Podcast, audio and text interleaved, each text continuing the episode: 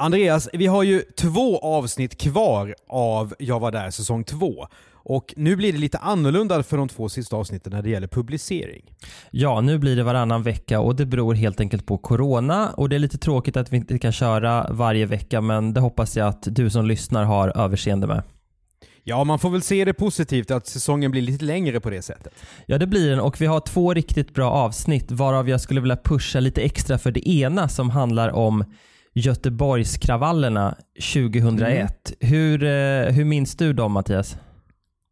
Jo, jag satt då på tidningen Expressens nattredaktion som redigerare. Jag var ung och ansågs eh, lovande på den tiden. Det har ju gått över sedan dess. Expressen ägde ju även Göteborgstidningen GT, så det fanns en ganska stor Göteborgsredaktion. Och i uppsnacket av EU-toppmötet på Expressen så handlade det mer om att eh, George W. Bush skulle komma och Göran Persson var tjock och sådär.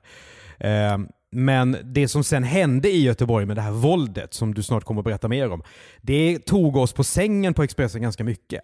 Så när de ringde från Göteborg, reportrarna där, och sa att ni, ni måste biffa upp här, ni måste göra det här större och större och större för varje dag för att det här är riktigt illa. Då förstod man inte det riktigt. Det är min bild. Och vad beror det på tror du?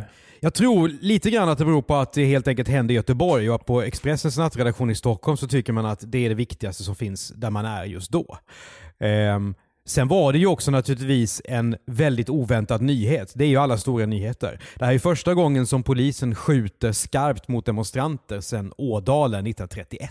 Ja, själv så var jag ung reporter på Nerikes Allehanda, tidningen i Örebro-trakten där jag började min karriär och jag följde med några unga demonstranter. Det jag fick se var ju någonting som jag aldrig kommer glömma. Även om jag såg aldrig de här eh, pistolskotten och de här grövsta händelserna. Men jag såg ändå en otroligt uppstressad stämning och där både poliser och demonstranter var helt panikslagna. Och särskilt så minns jag en polishund som hade bitit sin egen hundförare. Alltså en sån här hund som då är utvald för att den har det bästa psyket och har jättemycket träning bakom sig fick ändå panik. Så det, det, här, den här klyschan om att det var som en krigszon, den stämmer verkligen. Det stod stora containrar som omringade en skola.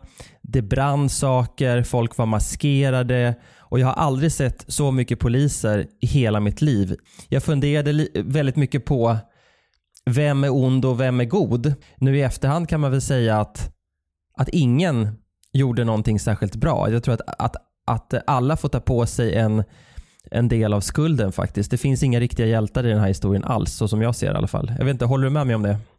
Nej, absolut. Och jag hoppas att vi kan ge eh, en bra bild i av den här otroligt upphetsade stämningen på gatorna i juni 2001 i Göteborg. Att det kommer fram i vårt avsnitt. Ja, för jag har intervjuat en kvinna som heter Kristina Hansen som på den här tiden då, 2001, gick gymnasiet och var ganska så här yrvaken, politiskt engagerad person som åkte dit för att demonstrera för att hon ville mona åt George W. Bush som skulle besöka det här EU-toppmötet. Och sen hamnar hon mitt i den här stridszonen och berättar om sina upplevelser därifrån och hur det har påverkat henne både yrkesmässigt och, och privat kan man säga. Hur det förändrade hennes syn på politiken och vad som är okej att göra och inte när man vill protestera.